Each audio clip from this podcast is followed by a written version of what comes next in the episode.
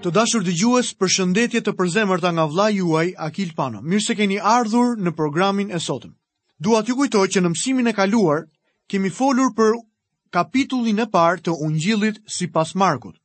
Në këtë kapitull kemi parë jo vetëm autoritetin e Zotit tonë Jezus në fjalën e folur prej tij, por kemi parë gjithashtu fuqinë e çliruar nga Jezusi, kemi parë mrekullinë e çlirimit të demonëve. Në ungjillin e Markut, tani do të shohim një ngjarje tjetër që zhvillohet të njëjtën ditë, por diku aty nga pasditja. Dhe ju rikujtoj që jemi gjithmonë në kapitullin e parë të ungjillit sipas Markut. Do të lexojmë në vargun 29 deri 31. Sapo dolën nga sinagoga, erdhën në shtëpinë e Simonit dhe të Andreas me Jakobin dhe Gjonin. Vjehrra e Simonit ishte në shtrat me ethe dhe ata menjëherë i folën për të. Atëherë ai iu afrua, e kapi për dore dhe e ngriti. Menjëherë ethet e lanë dhe ajo nisi t'u shërbejë. Ajo nuk quhet vjehërr, por quhet nëna e gruas së Simonit. Vjehrra ime e përdor shpesh këtë varg për të më tërhequr vëmendjen. Ajo mendon që kjo është një mënyrë e bukur për të komunikuar me nënën e gruas dhe jam i sigurt se ka plotësisht të drejtë. Kështu pra, Shërimi i vjehrrës së Pjetrit është një tjetër mrekulli që ndodhi po atë ditë. Më pas do të shohim Jezusin në mbrëmje. Lexojmë vargun e 32. Në mbrëmje, pas perëndimit të diellit, i prunë të gjithë të sëmurët dhe të demonizuarit. Të dashur dëgjues, dua të theksoj se ka vetëm një djall, Satani, po përveç tij ka edhe shumë demonë. Siç do ta shohim pak më vonë. Lexojmë vargun 33 dhe 34. Dhe gjithë qyteti ishte mbledhur përpara derës. Ai shëroi shumë që lëngonin nga sëmundje të ndryshme dhe dëboi shumë demonë dhe nuk i lejoi demonët të flasin sepse ata e njihnin. Tani Marku po bën saktësisht atë që bëri edhe Mateu në Ungjillin e tij. mund të vëmë re faktin që ai na tregon shumë pak nga ngjarjet e shërimeve të Jezusit. Ai në të vërtetë shëroi qindra dhe mijëra njerëz, por ne kemi të regjistruara vetëm një pjesë të vogël të tyre. Është interesant fakti që bota e demonëve e njihte Jezu Krishtin. Ata e dinin dhe e besonin që ishte ai, e megjithatë ende nuk janë shpëtuar. Siç e pamë, kjo ditë ishte shumë e ngarkuar për Jezusin dhe gjithkush mund të mendojë që pas asaj të shtune raskapitëse, Jezusi mund të flinte deri vonë mëngjesin e së nesërmes. Por në fakt, nuk ka ndodhur kështu. Në vargun që pason, lexojmë. Lexojmë vargun e 35. Pastaj të nesërmen në mëngjes, kur ende ishte shumë errët, Jezusi u ngrit, doli dhe shkoi në një vend të vetmuar dhe atje u lut. Ju mund të mendoni se pas një të shtune të lodhshme, ai do të bënte pushim ditën tjetër. Njoh shumë predikues që pas një të diele të lodhshme, të hënën e bëjnë pushim. Nuk i fajësoj aspak për këtë. Më parë e kam bërë edhe vetë, por kam pak vjet që nuk e bëj më. Në këtë varg shohim që Jezusi ngrihet herët në mëngjes dhe shkon të lutet tek vendi i vetmuar. Ky është një mësim i mirë për të gjithë ne. Lexojmë vargjet 36 deri në vargun 39. Dhe Simoni dhe ata që ishin me të e kërkonin. Dhe kur e gjetën, i thanë të gjithë po të kërkojnë. Dhe ai u tha atyre: Le të shkojmë në fshatrat e afërm, që të predikoj edhe atje, sepse për këtë kam ardhur. Dhe ai e përshkoi gjithë Galilenë, duke predikuar nëpër sinagogat e tyre dhe duke dëbuar demonët. Ky është fillimi i ungjillit Sepse me anë të mësimit të tij, Jezusi i përgatit ata për shpëtimin. Kjo është vdekja dhe ringjallja e tij. Miqtë e mi, mësimet e Jezusit nuk do t'ju shpëtojnë. Vepra e tij në kryq është ajo që na shpëton. Vini re që predikoi në sinagogat e tyre dhe dëboi shumë demonë kudo në të gjithë Galilenë. Ai e mbuloi gjithë atë territor vetëm në 3 vjet të shërbesës së tij. Përsëri shohim se ka pasur një manifestim të madh të fuqisë së demonëve në atë tokë. Ka tre periudha të tilla. Njëra ishte në kohën e Moisiut, njëra në kohën e Elias dhe tjetra gjatë kohës së Zotit tonë në tokë. Tani mbërrijmë në mrekullinë e fundit të kapitullit të parë të ungjillit sipas Markut. Të gjitha këto ishin raste të vështira dhe të ndryshme. Ky rast ishte një lebroz. Lebra nuk ishte vetëm e pakurueshme, ashtu siç mund ta shohim tek Levitiku, por ishte një sëmundje me pasoja fatale. Ishte pa dyshim një sëmundje tragjike që i deformonte, i sakatonte viktimat dhe i ndante ata nga shoqëria. Lexojmë vargun 40 dhe 41. Dhe erdhi tek ai një lebroz, i cili duke u lutur ra në gjunjë dhe i tha: Po të duash, ti mund të më pastrosh. Dhe Jezusi duke e mëshiruar, shtriu dorën, e preku dhe i tha, po, dua, qofsh pastruar. Ka një anë të jashtëzakonshme psikologjike në këtë mrekulli. Sipas ligjit, askush nuk mund ta prekë një lebroz. Ky njeri nuk mund të ishte i prekur për shumë vjet dhe as nuk ishte qenë në gjendje që të mund të prekte ndonjë. E imagjinoj familjen e tij duke e çuar ushqimin dhe ujin jashtë për të, duke e lënë atje, dhe pasi ishin larguar, ai dilte dhe i merrte. Ndoshta edhe mund t'ua bënte me dorë, por kurrë nuk do të kthehej tek ata. Kurrë nuk do t'i mbante më në krahët e tij. Kurrë nuk do t'i prekte më. Por tani Zoti vetë e prek këtë njeri dhe e pastron. Lexojmë vargun 42 deri 44. Dhe po sa tha këto, menjëherë lebra e la dhe u shërua. Pastaj, mbasi e paralajmëroi rreptësisht, menjëherë e largoi, duke i thënë, Ruhu se i tregon gjë ndokujt, por shko, paraqitu tek prifti dhe ofro për pastrimin tënd sa ka urdhëruar Moisiu si dëshmi për ta. Ky varg na tregon edhe një herë që Zoti ynë nuk e theu për asnjë çast ligjin e Moisiut. Lexojmë vargun e 45. Por ai sapo doli, filloi ta shpallë dhe ta përhapë fort faktin saqë Jezusi nuk mund të hynte më publikisht në qytet, por qëndronte përjashta nëpër vende të vetmuara dhe nga çdo anë vinin tek ai.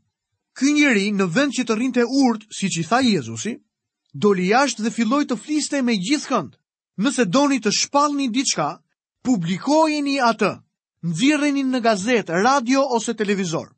Ky njeri bëri të njëjtën gjë. Të shpallësh diçka, do të thotë t'i vësh zjarrin diçkaje si një zjarr në pyll. Miqtë e mi, nëse fqinjët tuaj nuk ju dëgjojnë, thjesht vijini zjarrin vendit ku jeni.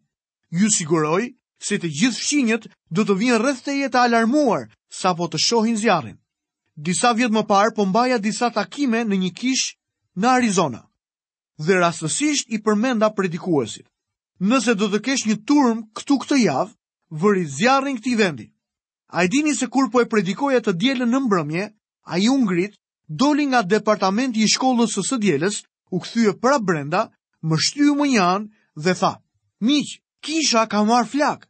Më pas, u kërkoi të gjithëve të dilnin në radhë në mënyrë të rregullt, dhe që nga ai moment, dëgjuam sirenat dhe zjarrfikëset që po vinin. Ju betohem që gjatë gjithë javës në kishë erdhën shumë njerëz të rinj. Lajmërimi për takimet ishte në faqen e fundit të gazetës, por të hënën Në faqen e parë qëndronte njoftimi për zjarrin që kishte rënë në kishë dhe siguria që takimet do të vazhdonin. Kështu që turma të mëdha na vizituan gjatë gjithë javës. Mendoni pak për të gjithë ata njerëz që dëgjuan fjalën e Perëndisë atë javë. Pas kësaj, ia tregova historinë edhe shumë të tjerëve. Pak nga pak u kthye në një anekdotë, por ishte një anekdotë që kishte dhënë shumë fryt. Por le t'i kthehemi historisë sonë. Ish-lebrozi tashmë i shëruar, e përhapi lajmin anembanë. Ai nuk iu bind Zotit tonë. Pasi kisha mbaruar predikimin në Texas, doja të ndihmoja një predikues të mrekullueshëm zezak në Texas. Shkova atje një mbrëmje para se ai të mbaronte predikimin dhe dua t'ju them se ai tha një nga gjërat më të zgjuara që kisha dëgjuar ndonjëherë për këtë varg. Zoti i tha atij të mos i thoshte askujt, por ai u tha të gjithëve. Ai na tha t'u tregojmë të gjithëve, por ne nuk i tregojmë askujt. Kjo frazë ishte shumë e goditur. Miqtë e mi, mosbindja e këtij lebrozi të pastruar, nuk është aq e keqe sa mosbindja jonë sot. Ne duhet t'u tregojmë të gjithë njerëzve për shpëtimin në emrin e Jezusit. Por ne në fakt nuk i tregojmë askujt. Gjithsesi, mosbindja e këtij njeriu solli turma të tëra pranë Zotit tonë. Por tani, Zoti ynë duhet të largohej nga Kapernaumi për njëfarë kohe. Kemi përfunduar studimin e kapitullit të parë të Ungjillit sipas Markut.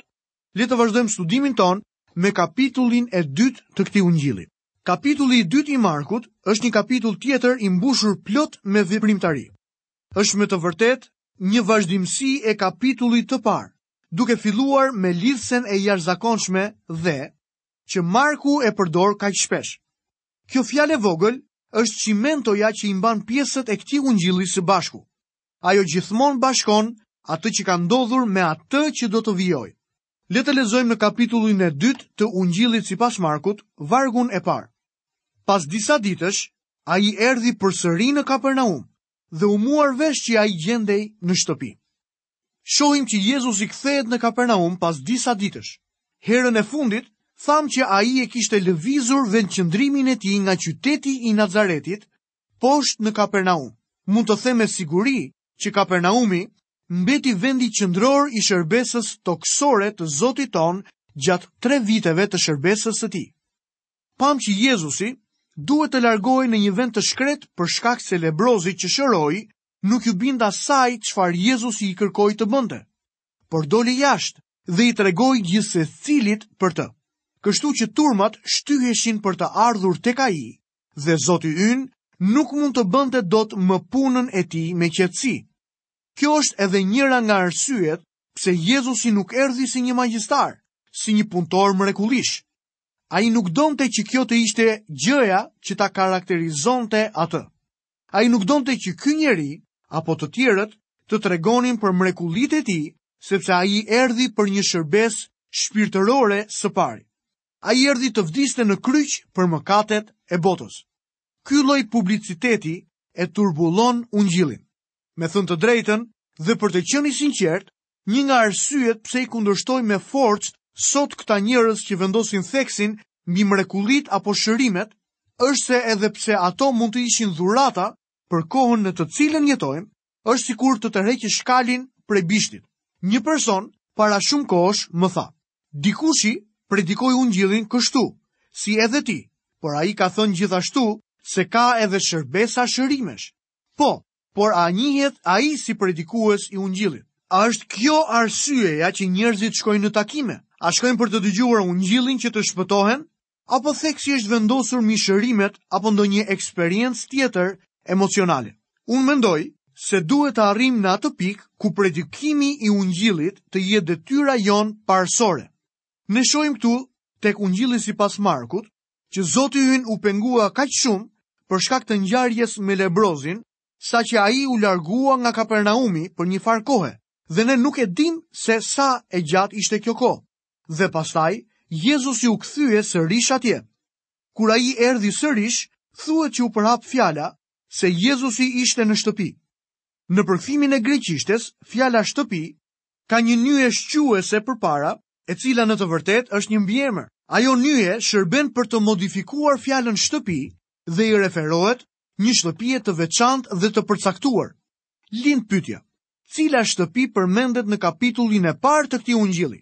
Në kapitullin e parë na thuhet që pasi kishte qenë në sinagogë në mëngjes, Jezusi hyri në shtëpinë e Simonit dhe Andreas. Kjo na bën të besojmë se kur ata djem të rinj filluan të hiqnin çatinë, po hiqnin çatinë e shtëpisë së Simon Pjetrit. Është e vështirë të imagjinosh Pjetrin që rri urtë e butë, duke i lënë të bënin atë që kishin nisur. Jo Simon Pjetri nuk mund të ishte një njeri i tillë. Kam përshtypjen që ai do t'i kishte kërcënuar ata me policinë. Në fund të fundit, ajo ishte shtëpia e tij. U përhap fjala që Zoti ynë ishte kthyer në Kapernaum dhe ishte tani në shtëpinë e Simon Pjetrit. Lexojmë vargun e dytë. Dhe menjëherë u mblodhën aq shumë njerëz, sa nuk gjeje më vend as përpara derës dhe ai u predikonte fjallën. Shërbesa e Zotit Jezus ishte pikërisht të predikonte fjalën e Zotit dhe ky duhet të jetë theksi edhe për ne sot. Theksi duhet të jetë mbi fjalën e Zotit dhe mbi paprekshmërinë e fjalës së Zotit. Lutja ime për këtë pjesë do të ishte: O Zot, më jep më shumë konfidencë në fjalën tënde. Unë shoh se çfarë po ndodh sot me zemrat dhe jetët e njerëzve dhe e di se çfarë është bërë edhe me mua. Si rezultat, unë duhet të kem më shumë konfidencë se sa kam aktualisht. Do të jem shumë i sinqert me ju. Ndonjëherë, pyes veten nëse do të ketë ndonjë influencë kjo fjalë në jetën apo zemrën e dikujt. Duhet të pohoj që nuk e kam besimin që duhet të kem. Ne duhet të mbajmë mend që kjo është fjala e Zotit dhe ajo nuk do t'i kthehet atij mbrapsht pa kryer qëllimin për të cilin e ka dërguar, thotë profeti Isaia në kapitullin e 55 vargun e 11. Kështu që unë gëzohem kur lexoj që Jezusi ynë u predikoi fjalën atyre njerëzve. Le ta drejtojmë për një moment vëmendjen tonë tek një grup tjetër. Bëhet fjalë për delegacionin e vogël prej 5 personash, Ata po vijnë poshtë rrugëve me pluhur të Kapernaumit. Lexojmë së bashku vargjet 3 dhe 4 të Ungjillit sipas Markut, kapitulli 2 i tij. Atëherë i erdhën disa që i paraqitën një të paralizuar që po e bartnin katër vetë. Por duke qenë se nuk mund t'i afroheshin për shkak të turmës, zbuluan çatinë në vendin ku ndodhej Jezusi dhe mbasi hapën një vrimë, E lëshuan vigun mbi të cilin rrinte shtrirë i paralizuari. Vëmendja jonë drejtohet tani te ky grup prej pesë vetash dhe le të shohim se si duken ata. Një i paralizuar dhe katër të tjerë që e mbajnë në një barelë. I gjori djalë. Ai madje nuk kishte asnjë shans të hynte në atë shtëpi. Katër të tjerët formojnë një lloj kuarteti, nga një në çdo cep të barelës dhe ja ku ata janë duke ardhur. Ata nuk mund të hyjnë brenda për shkak të turmës që ka mbushur dyert dhe dritaret. Kam zbuluar që puna që bëhet më shumë se çdo gjë tjetër në kishë është emërimi i bordit. Bordi është ai grup njerëzish tek të cilët mbështetet pastori i një kishe. Puna në kisha sot bëhet kryesisht nga bordi i organizatave të ndryshme. Dikush ka thënë një herë që bordi është i përbërë nga disa veta të cilët mbajnë shënim minutat dhe shpenzojnë kohën dhe orët kot. Një tjetër tha se një bord përbëhet nga një grup njerëzish të cilët individualisht nuk mund të bëjnë asgjë, por së bashku mund të vendosin që të mos bëjnë asgjë. Dhe ajo që ata bëjnë është e përgjithshme. Në termat e sotëm, edhe ky grup i vogël e kishte një bord. Ata kishin një komision tek dera, i cili erdhi pa rreth e rrotull dhe pastaj u kthye mbrapsht duke thënë: "Nuk mund të hyni dot nga dera." Ata kishin edhe një komision tjetër tek dritarja që shkuan aty rrotull dhe duke u kthyer thanë: "Nuk mund të hyni dot as nga dritarja." Fatmirësisht, kishin edhe një komision në çati, që me sa duket ishte më optimist sesa të tjerët. Ata zbritën poshtë me një frymë dhe u thanë, ne mendojmë se ne mund ta futim brenda nëpërmjet çatisë. Ndoshta, po të keni shumë komisione, do të jetë patjetër ndonjë që do të funksionojë. Gjithsesi, ata vendosën ta fusnin brenda nëpërmjet çatisë dhe kështu, këta burra filluan punën për hapjen e një vrime mbi çati. kur arritën ta çonin poshtë në prezencën e Krishtit, mendoj se do të jenë vënë paksa në siklet, sepse e panë që në këtë mënyrë ndërprenë takimin. A mund ta imagjinoni dot se si do të ndikonte kjo ngjarje në vazhdimin e saj? Nuk kemi asnjë të dhënë se çfarë po mësonte Jezusi në atë takim, por është e sigurt që gjithçka të ketë qenë u ndërpre papritmas. Besoj që Jezusi do t'u ketë buzëqeshur në atë moment. Marku na tregon se Jezusi kur pa besimin e tyre, i tha të paralizuarit: "O bir, mëkatet e tua të janë falur." Besimin e kujt pa Jezusi? Besimin e katër burrave. Kjo gjë më ka shqetësuar për disa vjet sa herë që e lexoja këtë varg. Më dukej sikur besimi i këtyre njerëzve ishte përgjegjës për shpëtimin e këtij njeriu. Mëkatet e tua të janë falur, por ndërkohë që studioja e kuptova që nuk ishte besimi i tyre që e shpëtoi atë. Është e mrekullueshme të kesh një nënë besimtare, por ti nuk ke për të shkuar në qiell i lidhur pas përparëses së mamas tënde. Është e mrekullueshme të kesh një baba besimtar, por babai yt besimtar nuk mund të të shpëtojë. Ti duhet të besosh vetë së pari. Ti je i vetmi që mund të bësh diçka për veten tënde. Në një ekzaminim të hollësishëm të historisë që pamë lart, do të shohim që nuk ishte besimi i atyre njerëzve që e shpëtoi këtë të paralizuar. Besimi i këtyre njerëzve e solli atë në vendin ku ai mund të dëgjonte Zotin Jezus personalisht dhe individualisht. Kur Jezusi pa besimin e tyre, do të thotë besimin e atyre që e sollën të paralizuarin tek ai. Kur Jezusi e pa këtë gjë, ai foli personalisht me të paralizuarin dhe i tha, Bir, mëkatet e tua të janë falur. Lexojmë vargjet 6 dhe 7. Por aty po rrinin ulur disa skribë, të cilët në zemër të vet po mendoheshin. Pse vallë ky po flet blasfemi? Kush mund të falë mëkatet veç Perëndisë vetë? Ja ku janë armiqtë. Ata nuk flasin hapur, po thjesht mendojnë mendimet e tyre. Në mendimet e tyre, ata janë gabim në pyetjen e parë dhe kanë të drejtën në pyetjen e dytë. Ky njeri nuk po fliste blasfemi, por është e vërtetë që vetëm Perëndia mund të falë mëkatin. Asnjë gjykatës nuk ka të drejtë të lërë një kriminel të lirë. Detyra e tij është të zbatojë ligjin. Perëndia është sundimtari moral i këtij universi dhe ai duhet të mbrojë ligjet e veta. Perëndia nuk mund të jetë i paligjshëm. Ai nuk mund të jetë sepse ai është i drejtë. Duke qenë se i ka bërë ato ligje, ai u bindet atyre dhe ligjet e tij janë të patundshme. Ato janë të pandryshueshme dhe për shkak të tyre Unë dhe ti jemi fajtorë përpara Zotit. Ne kemi nevojë për faljen e mëkateve tona dhe Perëndia na fal. Le të mos gabojmë duke menduar që ai na fal sepse ka një zemër të madhe. Ai na fal për shkak se Krishti pagoi ndëshkimin për mëkatet tona. Zoti Jezus nuk po blasfemon. Ai është Zot. dhe ai mund të falë mëkatet, sepse ai erdhi në këtë tokë për të siguruar shpëtimin për ty dhe mua dhe për njeriun e paralizuar. Të dashur dëgjues, këtu kemi mbërritur dhe në fundin e programit të sotëm. Ju kujtoj që historinë e këtij të paralizuari të kësaj mrekullie do ta vazhdojmë në emisionin tjetër. Qëndroni së bashku me ne në emisionin tjetër për të vazhduar të njëjtën histori dhe për të ndjekur serinë e studimeve tona mbi ungjillin sipas Markut. Deri atëherë, bashkë mirudëgjofshim dhe paçi një ditë të mrekullueshme.